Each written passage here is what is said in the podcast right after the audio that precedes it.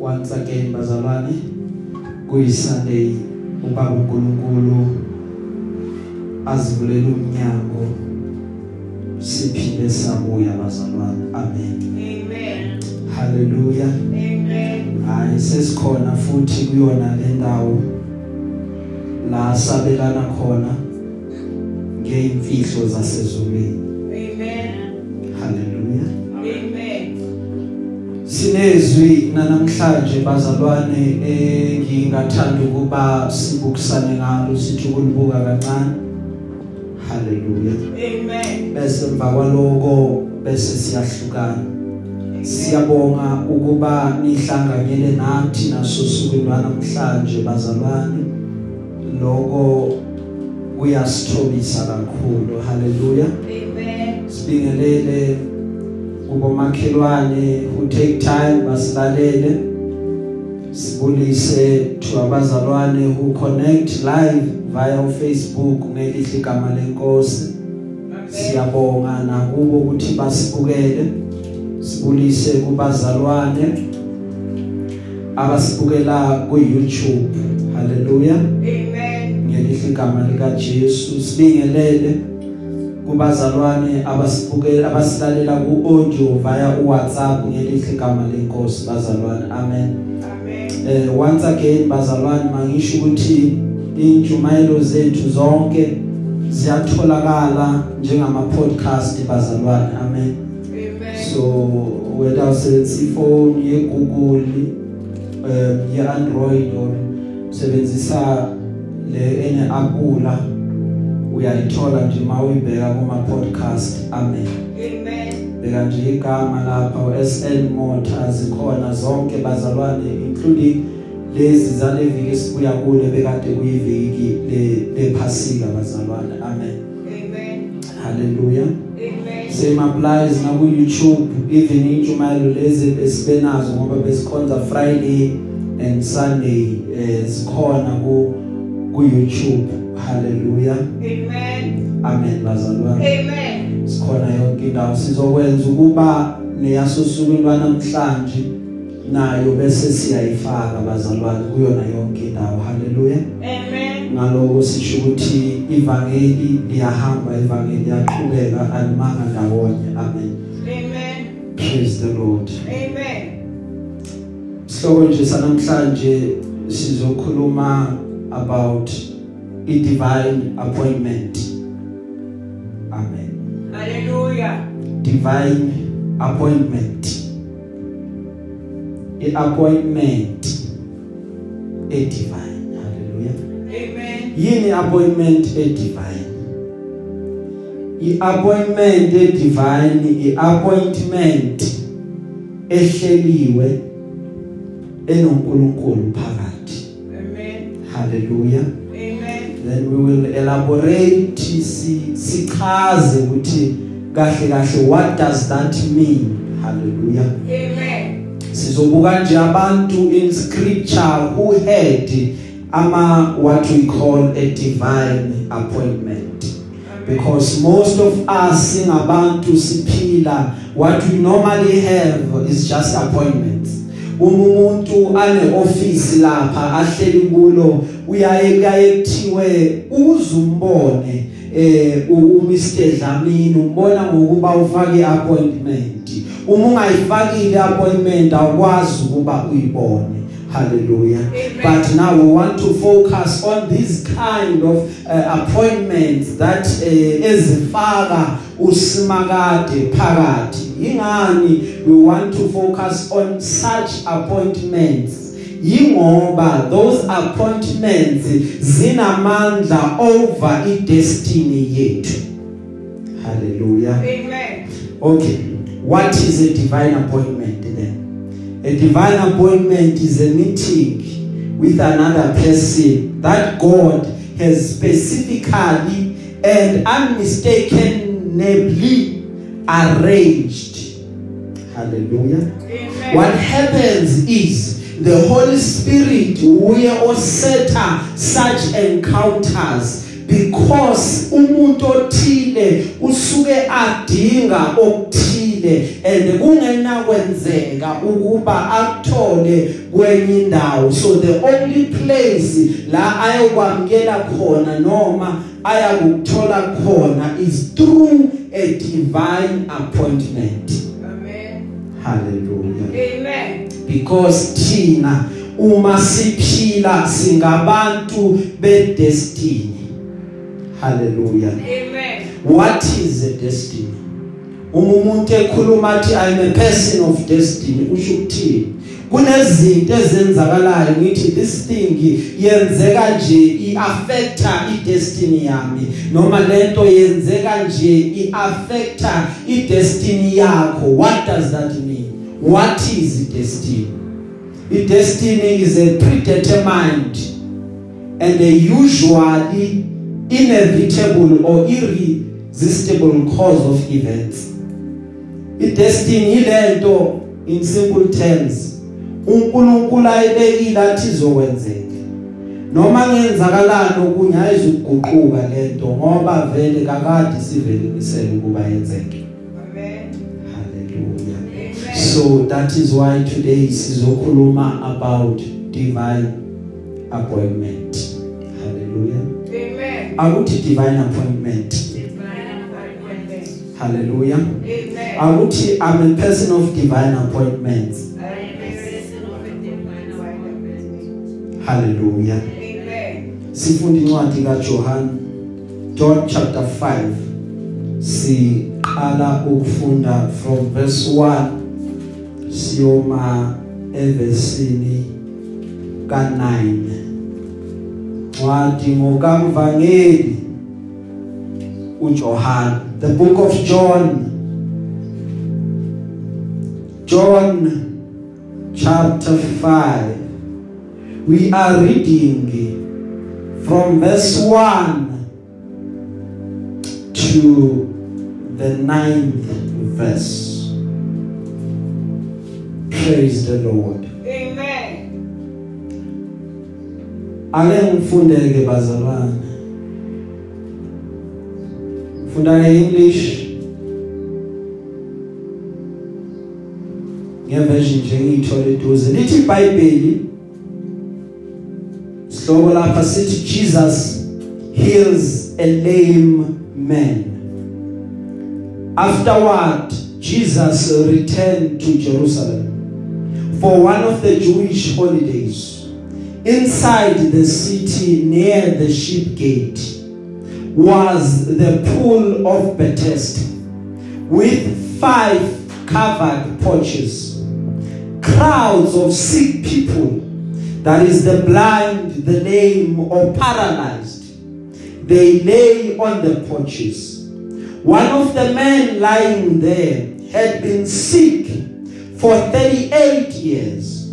When Jesus saw him and knew he had been ill for a long time, he asked him, Would you like to get well? Then he replied, I can't say. The sick man said, For I have no one to put me into the pool when the water bubbles up. Someone else always gets there ahead of me. Jesus told him, Stand up, pick up your mat, and walk. Instantly, the man was healed. He rolled up his sleeping mat and began walking. But this miracle happened on the Sabbath. Hallelujah. Amen. asiphuthume sifunde ngesizulu lithi iBhayibheli emva kwaloko kwakhona umkhosi wabaJuda uJesu wakhuphukela eJerusalem kukhona ke eJerusalema ngasesangweni lezimvu ichibi elithiwa ngesiHebheru iBethesda linempheme eyisihlanu. Kwakulele kuyo abagulayo abaningi kakhulu impumputhe nezinyonga nabashwabeneyo belindele ukuzanyazanyiswa kwamanzi. Ngokuba ingelosi yayehla izikhathi ngezikhathi zamazamise amanzi. Kuthi lowo ongene kuqala emva kokuzanyazanyiswa kwamanzi asinde esifweni sakhe noma enasifo sini kwakukhona lapho umuntu othile owayesegule iminyaka engamashumi amathathu nesishiyagalombili uJesu embona elele azi ukuthi unesikhathe eside enjalo wathi kuye uyathanda ukusinda na? Ogulayo waphendula wathi Nkosi akunamuntu wokungifaka echibini xa amanzi ezanyazanyiswa. Kuthi ngiseza kwehlumunya umuntu ngaphambi kwami. uJesu wathi kuye sukuma. Uthabatha uhlaka lwakho uhambe. Wayesephila masinyane lo muntu. Wathabatha uhlaka lwakhe wahamba. Kwakuyisabatha ngalolu suku. Haleluya Amen. amen bazalwane. Amen. sizovala namehlo. Ela ukuthi usisi wethu uqondile akhuleke sisayezweni amen. Amen. Siyabonga kabaluleleyo sibonga umusa wakho nelithambo lakho.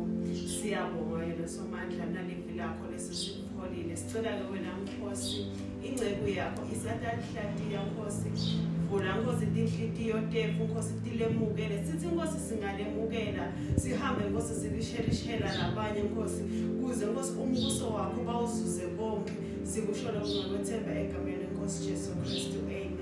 Amen Amen. haleluya bazalwane Amen. siyabonga bazalwane amen Amen. ever since the creation of time uma uNkulunkulu efuna ukwenza into ethile ubekade emthanda umuntu haleluya Amen. that is why from the beginning umedala umuntu wakhuluma nokuthathu bezulu wathi asenze umuntu afane nathi asifuze abe yithi. Inature yomuntu iyindalo kaNkulunkulu. Haleluya Amen. uma umuntu sekemdalile uthi uNkulunkulu mina nginguNkulunkulu. Ngizobusa ezulwini ngiphathe konke that pertains ezulu that pertains heaven hallelujah. And then wena umuntu uzobusa emhlabeni umnikeza amagunya umnikeza iauthority. Uthi wena uyakubusa ngaphezulu kwayonke indalo ekhona. That is why umuntu akwazi ukubusa ezilwaneni ezindizayo akwazi ukubusa ezilwaneni ezihambayo akwazi ukubusa phezulu kwezilwane ezihamba emanzini because umuntu una that divine authority. Lamandla ambathiswa wona uNkulunkulu ngenkathi uJehova esemdalile umuntu. Haleluya Amen. Athi uAmosi umekhuluma bangahamba yini ababili bengazwananga? Andipendula ukuthi abakwazi ukuhamba unless there is an agreement eyabakhona na uNkulunkulu ezohamba nomuntu uthi uJesu mekhuluma ngimi ngasemnyango ngiyanqonqotha uma umuntu ezwa izwi lami kumele ukuba bese uyavula uma sevulile bese ngiyangena ngena ngidle naye naye adle nami what is that? That is lento esikhuluma ngayo of i divine appointment. Ukuthi kumele kuba qala kube khona an agreement that takes place then after an agreement it means ukuthi singakwazi ukuba sihambe uhambo lunye. And it is imperative noma it is important ukuba ekuhambeni kwethu sibe mqondo munye ngoba la sifuna ukufika khona abafiki abantu eh, imiqondo yabo i divided noma yahlukene ngoba it would mean ukuthi uyokudonsela ka right mina ngibe ngidonsela ka left hallelujah Amen. amen bazalwane Amen. so abuye athi encwadini kaAmos God never does anything unless ayambulele kuba prophet bakhe. Ngoba uNkulunkulu umuntu uyamthanda bazalwane. Amen.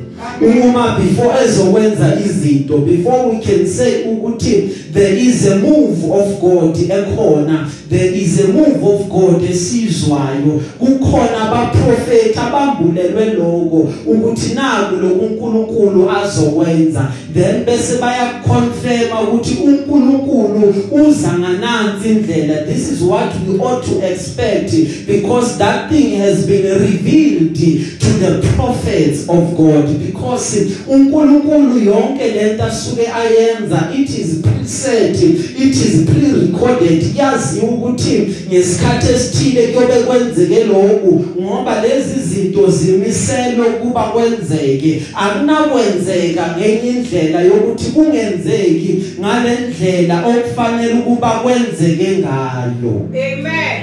Uma usukhona wena usudaliwe uhamba hamba uqhubeke then you learn about one thing in life ukuthi life has ama appointments abakhona. Kunezikhathi eyimiselwayo into ethile. Ezohamba hamba uqhubeka then you learn oh kunesikhathi salokhu kunesikhathi salokhu kunesikhathi salokhu. Haleluya now uma sezenzeka zonke lezi ikhathi kuyaye kwenzeke kube nento wena ongayi understand amen.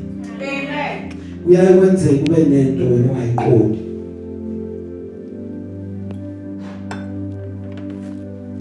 Sometimes in life siyaye singazi ukuthi sizoba yini. Sometimes in life siyaye singazi ukuthi sizokwenzani sometimes in life kuyaye kwenzeke singazi ukuthi kahle kahle thina singobani. Amen. haleluya kwesinye isikhathi lento iyafihleka kithi ingambulwa. Amandla afihlwe kithi angabonakali kithi. Kwesinye isikhathi lamandla afihlwe kithi siyasaba ukwenza ukuba abe activated. Because ngasikhathi sisaba ukufail ngasikhathi siyasithi what if lento ingenzeki amen Amen. haleluya Amen.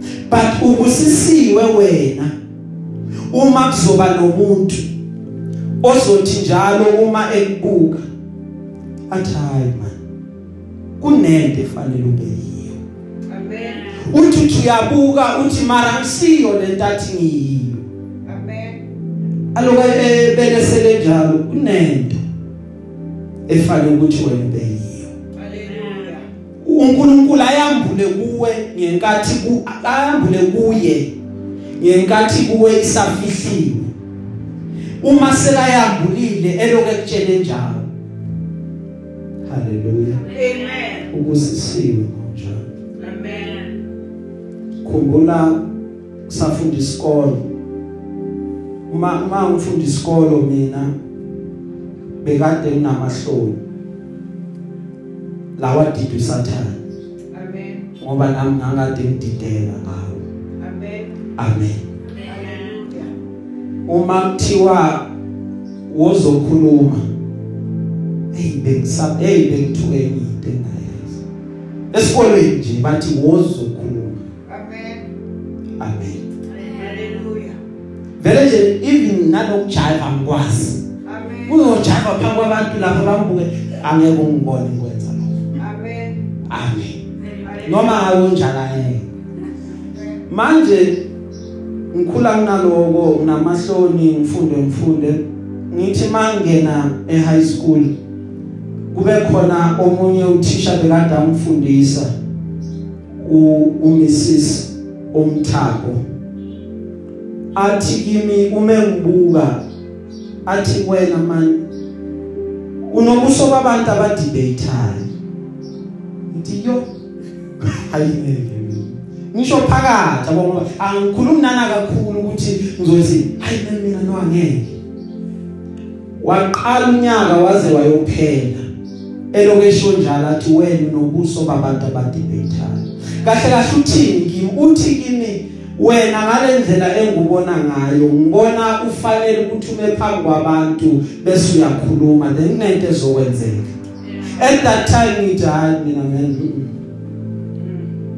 mina ngiyibonga lento kwaphela unyaka wokuqala. Kwaqala unyaka wesibili. Ngoba engifundisa elokesho njalo athi wena unobuso babantu. Abadebatayo uma sekhuluma onyakeni wesibili ngathi hey mhlawumbe ake ngimlalele uMenes Amen. hleze uqinisile. Ngathi okay man plus ne debate vele iphethwe uyi man ngihlanganyela ngoba isikhathi? Ngilapho phakathi. Ngajoin debate Amen. when i joined the debate bangifundisa everything. Ephathelene nepublic speaking bangitraina bangitraina ngale ndlela bese ngigude ngayo. Amen. ngangisazi isilungu bazalwa ngisi mina ngazi ukuthi khona basikhipha ngamakhala ngazi ngangisikhipha ngani. Amen. ngoba ngangibhalela abantu abafunda esilungwini ama essay bawaphase. Ngingafundanga esilungwini haleluya Amen. uma umuntu athi uyokwenza ipresentation ngithi woza la ngizokusiza na? Ayoyi ace presentation la haleluya Amen. khumbula omunye ngambhalela iessay wawini trip wayedebhe haleluya Amen. bangifundisa konke. Ngahamba ngayenza public speaking. Uma ngikhuluma bengiyakuthi nginezimendlela zokukhuluma. Amen. province yangiphi certificate zokukhuluma? Isikolo sangiphi certificate awuyakwazi ukukhuluma. Bebathembi lo nakanjani uzokhuluma. Amen. but unganaki ukuthi ngiyayiphakamisa ngaloko nganaki ukuthi ngiyayikhukhumeza ngaloko but lo ngehlela phansi. Amen. Then kwazozalwa ukuba ngiqale ngishumayele. Now already foundation seyibekekile ukuthi lo muntu seyayazi public speaking ngoba seyakwazi nokucreate ama speakers umuntu ebengakwazi ukukhuluma wakwazi ukukhuluma ngesimanga sakhe sekakhuluma abantu bayamlalela. Then uNkulunkulu wathi okay now it's time. Ngifuna ukuba wena uqalele ushumayele indaba zami. But mangifike enkosini azange ngithi baba uyangazi Yeah. nginezimendlela mina zokukhuluma Hallelujah. khuluma yonke lento it doesn't matter iaudience ukuthi ingakanani Amen. ngehla ngathi ngumntwana kuwe Yeah. angiyazi message engizoyishumayela ngoba if bengiyazi bengizothi okay ngibeka la wona igama ngalibeka kanjena ngilibeka kanje ngiyazi kahle language ukuthi how to twist words how to change them how to do this how to look for this how to do proper research but all of that Amen. eceleni Hallelujah. Nkosi angikwazi ukukhuluma Amen. ngoba if ngizothi ngiyakwazi sengiyokhuluma iqondo yami Yeah. wena ungalikhona Yeah. Angifuni ukukhuluma ukwazi kwami Amen. angifuni ukukhuluma ubumina Yeah. but ngifuna ukuthi kukhulume wena ngami Amen. mina noma sengingathula mina noma abantu sebangasalazange lami igama nginankinga mina Amen. but uma bazi uJesu lo enze ngaye that's enough for me Amen. haleluya Amen. angisebenzeli kwakhe igama lami ngisebenzela ukuveza yena. Sona sonke lesizukulwane sicompromiseayo senza konke lokya nalokya kodwa uma bekwazi abantu ukuthi bakhombe bathi basekhona bahamba balungile endleleni bese nami ngiyavela ukuthi we ubani loyo? Bathi nangu simbone ehamba kahle. Ngiyajabula emoyeni wami ngithi baba thatha udumo. Kungenga ukuthi yimo okwazi ukwenza kepha kungukuthi nguwena okwazi ukwenza. Ngoba wena simakade ngibambe ngesandla wangikhomba indlela efanele kuba ngihambe ngayo Amen. praise the lord Hallelujah. that is why entweni eningi abantu noma befuna ukuvelela ngiyayithulela nje Amen. haleluya Amen. qobo nje ukuthi makuvele yena Yeah. ngoba bazalwane kahle kahle akakabonakali lokufanele kuba sibe yiko konke lokubukile okubona ngiyiko manje akubona ukuthi isiphetho sendaba eyami indaba ikakapheli Amen. Hallelujah.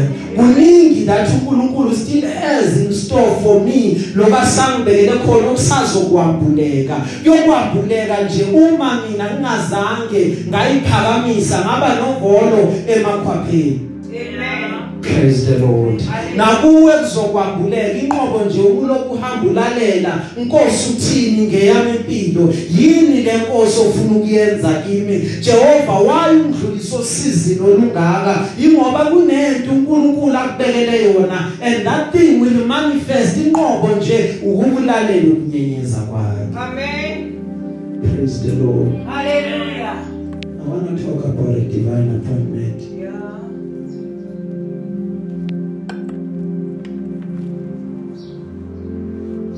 Masifunde iBhayibheli. Lithi iBhayibheli uAbraham wathi kuSara angathi umkami. Angithi udadewethu ngoba lithi iBhayibheli uSara bemuhle kakhulu. Umefika washo njalo uAbraham wathi hayi mina mm, udadewethu lo. Amen. lithi iBhayibheli yamthatha inkosi. uNkulunkulu wakhuluma naye ebusuku. Wathi unkosikazi womuntu lo ongamenzi lutho. Amen. lithi iBhayibheli wasuka inkosi yabuyela kuAbraham. Yathi kwenzeleni lokubi na ukuthi ungifihlele ukuthi lo ungunkosikazi wakho? Amen. lithi iBhayibheli wathi uAbraham hayi bencabanga ukuthi ngiyakungibulala mina. Bathi cha.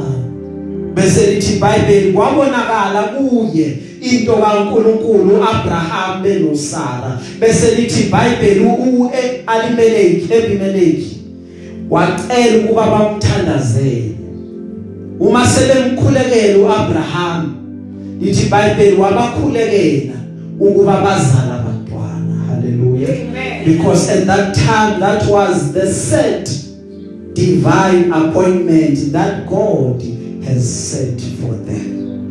So when we meet people bazalwane we don't just meet them for the sake of meeting them. Kunabantu who we meet them who will change ama destinies ethu who will change la siya khona. Okwethu kuba sibone ukuthi laba bantu bahamba noNkulunkulu yini. Laba bantu bayiphethe yini into kaNkuluNkulu njengoba behamba. Praise the lord. Kunabantu ongahlala nabo ekufanele ukuba usebenzele ukuthi upreserve ubudlelwano nabo. Because uma bengekho wena uzolahlekelwa into kaNkuluNkulu ekubo ekufanele ukuba ithole uwe kunabantu abathi uma behamba uthi ngaphinde nibuye Amen.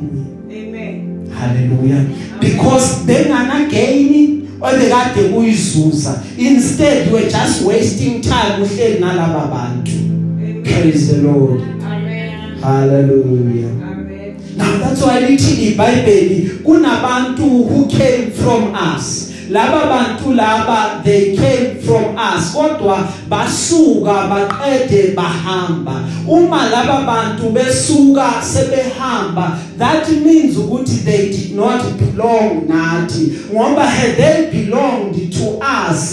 There is no doubt ukuthi bebakade beyoqhubeka nathi. Bashiye nje ingoba vele kakade beyingekho into ebeyisabasondezile kithi. That is why there are kind of relationships. Okungamelanga lokuzama ukwakhwezela okungamelanga lokuzama ukwavusa uma sefile qhubeka nempilo yakho ngoba kunabantu who we take sibafake lapha bekhona kanti bavale isikhala sabantu efanele ukuthi bazosiza kwi-destiny yethu. Bavale isikhala salabantu esibadingayo for la siyakhona ohambeni lwethu. Simangele sibona siqhubeki simangele sibona siyindawo simangele sibona ikathazo zethu ziyanda. Ingoba yilo hlobo lwabantu esikhetha ukuba siligcine right next to us. Kanti laba bantu their spirit is not wrong for us. Imoya yabo i destructive they destroy lento esithi sizama ukuyakha yonke into ekubo iyaphahlaka nje. Yonke into ekuba ikhula iadvance ingani ingoba inature yaba yakhe. Amen. lithi iBhayibheli uJona wangena emkhumbini. Hallelujah. uma engena emkhumbini uJona laba bantu bangamazi Amen. but ba end up balahlekelwa izinto zabo. Hayi ngoba umkhumbi bekadoroba uma ezongena uJona kuyashiwo. Hayi ngoba ugibela isikebhe siro kuyashiwo. Lesi asiyile siyale. Wathi uJona oh siyale. Bathi "Mm, wangena. Amen. So laba bantu uma izivunguvungu sibavukela behambo lwandle bathi yazini mhlawumbe umkhumbi uyasilwa Amen. asikhiphe le TV unit siphonze ngaphandle Hallelujah. asikhiphe le TV siphonze ngaphandle konke lokho engikuthengile ngithengela abantwana impahla akuphonze ngaphandle hayi ukuthi inkingi lezinto abayithwele but inkingi ukuthi longene emkhunjini Amen.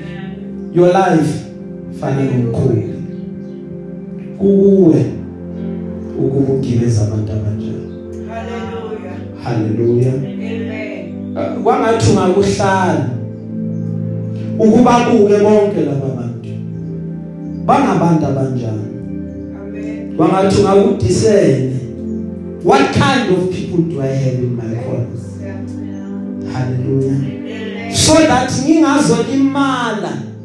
ngingazolimala lela ngiyakhona lithi iBhayibheli uJakobe wathi hambile wathola ilitshe waqhamela kulo walala. Umelele kulelo litshe lithi iBhayibheli wabona qhamuka istebhisi siqhamuka phezulu ezulwini sehle wathi mebuka wabona ingelosi lokuyiphambana lapha phezulu. Wathi mebuka lesitebhisi esiphezulu kakhulu wabona uNkulunkulu. Lapho Amen. wabe siyathuka wathi surely this is the place of the Lord bekade ngingazi ukuthi uNkulunkulu ukhona kule ndawo le indawo kaNkulunkulu because that was his divine appointment Amen. praise the Lord Hallelujah. singabantu bedestiny bazalwane Amen. we are people of appointment uNkulunkulu kunezinto ezinkulu asimiselwe zona let us not let us not waste time nabantu abangadingeki praise the lord. Hallelujah. Amen. lithi iBhayibheli uma silifunda Amen. uAbraham besondelene kakhulu nomzana uLot wamtshela wathi uNkulunkulu uthe kimi ngiphuma wathi ushilo wathi "Ya, ngiyaphuma.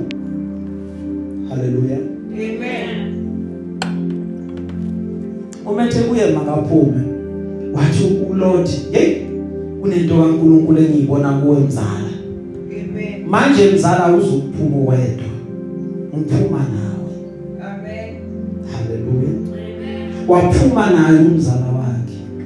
Wahamba nomzala wakhe endlebeni lithi iBhayibheli uma beqhubeka behamba ngoba uAbraham uye lo obusisiwe wayephethe isibusiso. Lesibusiso sathelela nakuLot umzala. noLot wabona andlozobala wabona imfuyo yakhe ikhula ngoba ephume nomzala wakhe ophethe isibusiso. Amen. umthandazo wami ukuthi kwanga uNkulunkulu angaxhumanisa nabantu abahamba baphethe izibusiso ngathi uNkulunkulu angakconnecta nabantu abathuma befika neminyanga evalekile bese iyavuleka. Ngathi uNkulunkulu angakconnecta nabantu abathuma befika kuthiwe la akungenwa bese bona bayangena baqede baphinde baphume. Isifiso sami kwangazi ukuthi uNkulunkulu angaxhumanisa nabantu who will change destiny yakho ibe yinhle Amen. praise the lord. Amen. phinde futhi kube umkhuleko wami ukuthi kwangathi uNkulunkulu angakuhlukanisa nabona bonke abantu abasempilweni yakho just to waste time kungkhuleko wami ukuthi kwangazi ukuthi uNkulunkulu angakuhlukanisa nabona bonke abantu abangafuni ukuthi iqhubeke kuye phambili Amen. ungkhuleko wami ukuthi uNkulunkulu kwangazi ukuthi angahlukanisa nabona bonke abanye abantu abathi njalo uma bekubona uvusa ikhanda bese baba nomona bathi ungasaqhubeki uye phambili sokwesibona Amen. praise be to the lord. Amen. because you don't need such people. Hallelujah. Amen. bonke ubudlelwano oya kubo. Bonke ubudlelwano ozozithola kubo. Amen. ask uNkulunkulu ngakho. Uyabona masibuka impilo kaSamson? Samson brother Sam. uSamson bamshaya abashumayelayo ukuthi wathandana noDelilah uDelilah waqeda amandla konke lokho. Amen. amen. Amen. but there is one point eseBhayibhelini. Lithi izwi uSamson aze aye kuDelilah hayi ngoba ubethanda ye cha. Yingoba kwakuyicebo lakaNkuluNkulu ukuthi uNkulunkulu uyathanda ukuba uSamson aye kulomuntu wamaFilisti ngoba uNkulunkulu efuna ukudila namaFilisti. So uSamson ukona konke abekade angakwenza bengekho into abeyangayenza ukuthi aguqule lokho hayi inkosi mina ngisayi ngoba uJehova uthandile his divine appointment was ukuthi abe against the Philistines and indlela yokuthi angene ukuthi kusondezwe uDelilah empilweni yakhe Amen. praise the Lord Amen. that is the life Yeah. of Samson. Uma sifunda iBhayibheli bazalwane Yeah. lithi iBhayibheli Amen. we are set sibekelwe to receive divine help sizo lwaphezulu sizo lwangenhle oluguqula impilo zethu Amen. amen Amen. praise the lord uma uJesu ngelila ngihamba nabafundi lithi iBhayibheli bathola indoda le ndoda abayitholayo ayiboni. Abafundi sebabuza Jesu wayengaboni uthi uJesu mekhuluma akaboni lo. Hayi ngoba kibobonile abazali bakhe abonanga. Yena abonanga. Kodwa lokhu kwenzeka kuze kuboniswe amandla. It ukuthi kunezinto uNkulunkulu ayivumelayo ukuba zenzeke so that amandla akhe azobonakala Amen. that is why we speak of divine appointment hallelujah ngoba lokhu divine loba ngivele kumele uNkulunkulu amen so it's not just an appointment ngoba it's an appointment but it's a divine one. Because yonke lento eyenzakalayo in between ifaka uNkulunkulu phakathi if bekade kuyithi kuba kusingalendlela engayo but ngoba kunoNkulunkulu kungalendlela engayo hallelujah Amen. that's why lithi iBhayibheli u lo mzalwane lo uElijah Amen. ubekade umuntu efana but wakhuleka wamisa imvula wathi awuyinguna Amen. kwaze kuye kushomina khala uzona Amen. then lithi iBhayibheli amazulu wathula imvula yangana ngoba sekashilo umuntu ohamba noNkulunkulu. So kule divine appointment esikhuluma ngayo udinga abantu abahamba noNkulunkulu. Udinga abantu abakwazi ukubiza izinto ezingekho bese ziba khona ngoba thina abazalwane asihambi ngokubona sihamba ngani? Ngokukholwa. Amen. praise the lord. Amen. udinga abantu abazohlala nawe phansi bathi siyasibona isimo ukuthi sinjani but ake sidlule esimeni. Sike sibize lo ngaphezulu kwesimo bese sibiza into esiyifunayo esimeni. Yize sinje because thina sinamandla to declare to declare a thing bese that thing iba established. Iba established because sesishilo sathi khona. Amen. you need such people. Hallelujah. uthi ufike kubo ukhala uthi hey angazi ukuthi uzoyenza njani kuyabheda kuyabheda hlala phansi kancane no awuyibuke nansi indlela Amen. le no ngiya understand ukuthi sibi simo sakho but kuzolunga Hallelujah. uthi ufikile bakucalm down bese bakwenza understand bese baqede bakukhulekele you need such people Amen. praise the lord Amen.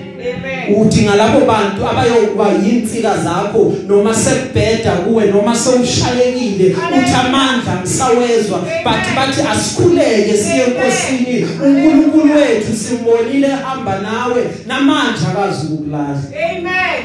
those are the people that you need Hallelujah. lithi iBhayibheli amadodana abaprofeti Yeah. ake wahamba noElisha Amen. Uma hamba noElisha Amen. bathi indawo lesikuyo seyincane. Man ake sihamba hambe siye eJordan sithole indawo enkulu. Then wathi okay kulungile asambeni baqala besuka bahamba. Uma besuka behamba lithi iBhayibheli bafika endaweni bagawula ihlahla. Uma begawula ihlahla lithi iBhayibheli lo munye lo eshaya lembazo kanti lembazo eyokubolekwa. Ngoba sometimes ahlupha into zokubolekwa Yeah. haleluya omunye umama nje ngapha waboleka omunye ibarede ayencwabeni kanti bayencwabeni ofanayo wathi ngiyithanda ngiyithanda le barede yakho ngikhoza ungizama wathi hayi ngikhozi nayo. Wamnika. Ngoba ziyahlupha abazalwane into zami zokuboleka Amen. uma esemnikile kanti le emangcwabeni imvula iyocala inethe. Uma qala imvula inetha manje abe manje endaweni eyi1 yabo? Amen. abize hey iza loya. Hallo mama mangisa umkhosi angibizelana hey khumula nama ngivana makungivula haleluya. Amen. umama abantu abuye Daniel sebangikhumulisa ibarede yami ibarede lengiyibolekile athi lo mama nami imvula mayina ngigcoke ngoba ziyahlupha into zokubolekwa bazalwane? Yeah. Okay ke asiqhubeke. La lo lo ebhizi egawula lapha, egawula. Egawula kanti imbazo izowela emanzini. Hey, Nkosi. Wakhala, Hey. wathi maye ilibolekile. Ah. Ngoba zahlupha into zokuboleka. Hallelujah. Kanti uhamba nendoda kaNkuluNkulu. Amen. Yathi kuyindoda kaNkuluNkulu iwelephi imbazo yakho. Amen. Ngoba yena sekasele nokhuni nje kuphela but ibhazi inhloka iseko wakhomba indawo wathi wele la wathatha ikhuni uElisha wayiphonsa lapho la ibhazi wele khona yaphakama imbazo yantande Amen. so you need people Yeah. abazothi inkinga noma ikhona Yeah.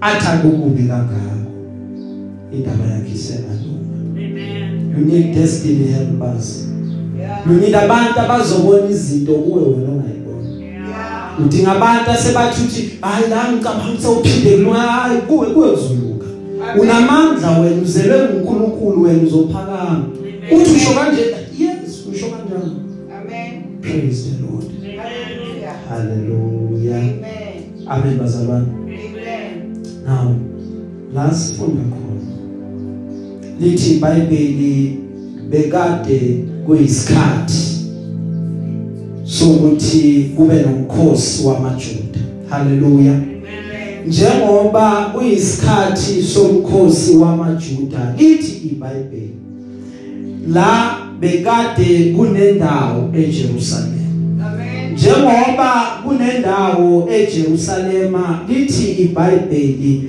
bekade kunechibi lapha. Abagulayo bonke beza khona. Leli chibi liseduze negate lezimvu. Lithi iBhayibheli belikade linemipheme eyisihlanu and ngokweBhayibheli u5 kumele inamba yomusa. Okusho ukuthi uNkulunkulu umethandile uyasenzela umusa. Haleluya now lithi iBhayibheli bekade kunendoda lapha bekade ilele. Le ndoda isigule for 38 weminyaka ihleli ngasechibini now what is significant of leli chibi ukuthi bonke abagulayo noma banakugula kuni bebakade bafika uma sebafikile echibini kwehle ingelosi ngezikhathi ezithile besizama zamisa ichibi kuthi amanzi masewaqala ngathi ayaphuphuma ongene qala bese uyasinda Amen. Praise the lord. So bonke abagulayo bebakade baya kuphi echibini so that bazothola ukuphila nokusinda kwabo. Now the, the significant part about leli qhinga ukuthi kuya ngokuthi ungene nini ngoba wangena late kusanokwenzeka kumele uphinde uzame futhi. Amen. Praise the lord. Uma iBhayibheli ikhuluma alisitsheli igama lalendoda but lithi iBhayibheli bese ihlale khona for a very long time. I can imagine ikhuluma ekhaya layo la izalwa khona. Ngicela ukuba nike ningikhaphe ngizwile ukuthi kuyasindwa ngapha. Ake ningiphelezele bamphele yazi ukuthi unyaka mude kanjani? Bamphelezele unyaka lokuqala Amen. bamthathe bawumbeka lapha. Bamixela ukudla adla unyaka mude bazalwane Amen. ngonyaka wesibili abantu okuyihlobo zakhe abayiqhubeka bamnakekela ngoba unyaka mude haleluya Amen. so you can imagine 38 weminyaka solo lendoda iseqinile Hallelujah. Ngqondo yami ngitshela ukuthi ayizange isasuka lapha eqhibini eqhibini yahlala because ukusuka kuyinkinga ukuya phambili kuye kuyinkinga ngoba umuzwa uma ekhuluma noJesu ukuthi uthini Hallelujah. Jesu mesuka ezulwini Yeah. uyehluza emhlabeni Yeah. efika emhlabeni Mm. enye agenda kaJesu bekade kuyile ndoda. Praise the lord Hallelujah. amen hallelujah Amen. Now lithi iBhayibheli uJesu uma efika Amen. uyayithola le ndoda uthi kuye sohlala isikhathi eside Amen.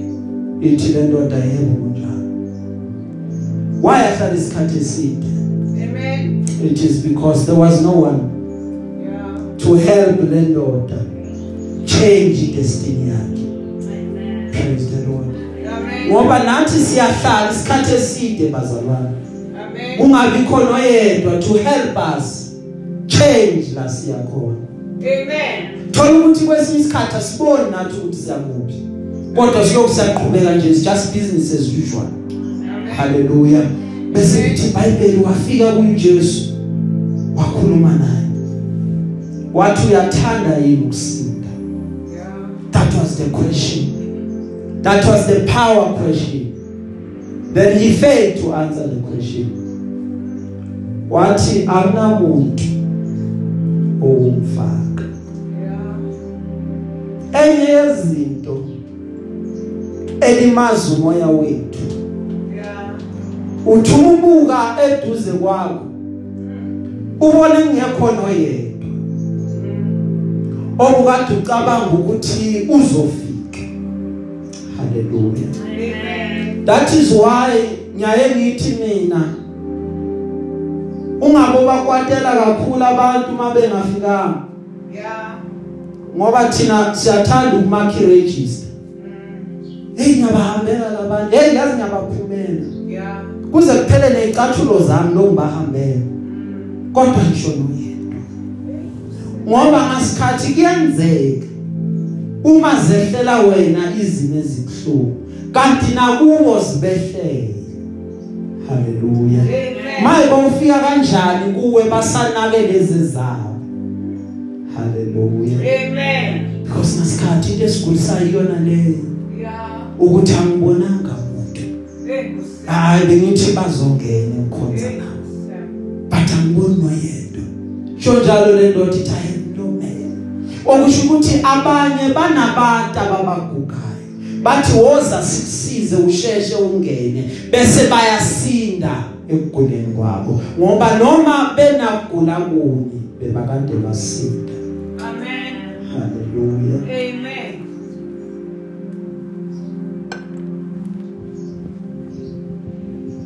i pray Yeah. that you find a person who will change destiny yakho for the better. Haleluya amen. I pray ukuthi uthole umuntu oyakuguqula impilo yakho. Ibe ile nto uNkulunkulu afuna ibe yiyo. Amen. Amen. Lithi ke iBhayibheli wathi inkosi akunamuntu bese lithi iBhayibheli uJesu wathi kuye sukuma thabathe uhlaka lwakho hamba. Amen. ngoba sewuphile immediately yaphila leyo ndoda. Immediately idestiny yakhe yaguquka. Haleluya uma sihlele enkosini bazalwane sesigcina. Our destiny will change. Amen. uma sihamba noNkulunkulu our destiny will change for the better. Kunezinto ezingakambuleki kithi. Kunezinto abantu abangakayiboni. Kunezinto nathi esingazazi ngathi. Ekusadinge ukuba zambuleke. Because i-destiny yethu is calling us. Ngoba lithe iBhayibheli imvelo yonke iyabubula waiting for the manifestation of the sons of God. So imvelo is awaiting us ukuthi sithi arise and take our rightful position imvelo yethu ilindele ukuba siyotake idestiny yethu sithi naku thina sesifikile we are holding everything we are using everything to change our lives Amen. God will do it for us Hallelujah. okwethu kubiza ukuhlala Yeah. praise the lord Amen. Okwethu kubiza ukucheka labantu esihlanganyela nabo because abanye abantu bayayidla into kaNkuluNkulu kithi Amen. sikhuzeni sokuthi ikhule ubone ishabalala Amen. haleluya Amen. angithi thina abazalwane ukuze sithole izinto zakaNkuluNkulu what pushes us to God ukuthi sidlule ebuhlungwini amen Amen. into zakaNkuluNkulu sithola sikhala. Yazi zilahleka into zakaNkuluNkulu Amen. zilahleka masihlelo sithi sihleli siphuza itiya kumnandi namakheke kube ziyahamba. But ukuyilanda silanda ebuhlungwini. Haleluya sihleli lapha sikhuluma amagama ba umbonile. Yeah. ziyahamba into zaNkulunkulu. Amen. esikhule sothi simkhulekele umbonile. Simajaji over we judge izinto ezahlukahlukene eziningi bengazi ukuthi siyazi nebekade sikhona sikhundleni sokuba sikhuleke siyakhuluma. Praise the lord. Amen. kusisiza simalade Amen. ukuthi sithole abantu who will lead us to our destinies. God will help us bazalwane Amen. sithole abantu who will elevate and make us abantu abangcono. Hallelujah. Sifundo sethu osukwini namhlanje bazalwane kula siphelela khona kwangayinkosi nganibusisa ingqine ingilonde look around you always Amen. who is by your corner Yeah. who is by your side Yeah. uke nje ubahlole emkhulekweni Amen. uzwe ukuthi siya connecta yini nalomuntu lithe iBhayibheli uma uJesu benoJohn bezozalwa. Yeah. lithi iBhayibheli uMaria wasuka waya kuElizabeth. Uma esondela kuElizabeth lithi iBhayibheli sekabingelele. Kwaqhuma umntwana esiswini ngoba there was a divine connection between umama kaJesu nomama kaJohn you need such people abazovusa lento kaNkuluNkulu kuwe so that the fire that is in you Amen. never goes out Hallelujah. Nkosi yomusa imbusise Amen. sizogcina la usuku la namhlanje amen